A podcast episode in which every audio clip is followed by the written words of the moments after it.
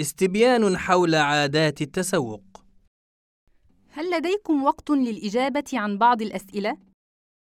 لا مانع تفضلي شكرا لكم. السؤال الأول: هل هذه أول زيارة لمركز التسوق هذا؟ لا نحن نتردد على هذا المركز أكثر من مرة في الشهر لماذا تفضلون هذا المركز؟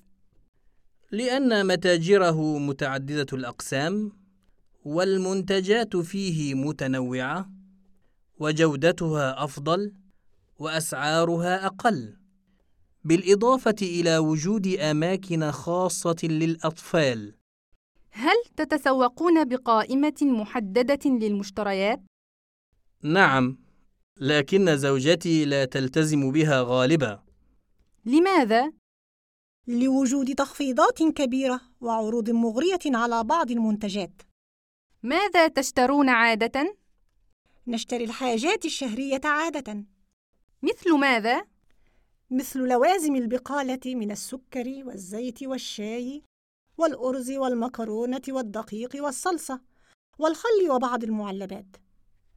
بالإضافة إلى الصابون والمنظفات ومسحوق الغسيل والمناديل الورقية وبعض الأكياس البلاستيكية. وماذا عن الخضر والفواكه واللحوم؟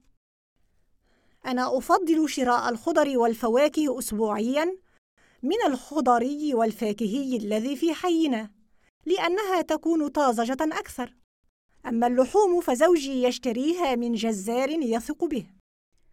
وأنتم يا أطفال ماذا تشترون عادة؟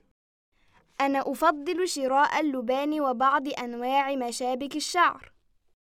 وأنا أفضل شراء الشوكولاتة وبعض لعب الأطفال مثل السيارات الصغيرة. أتمنى لكم وقتا ممتعا في التسوق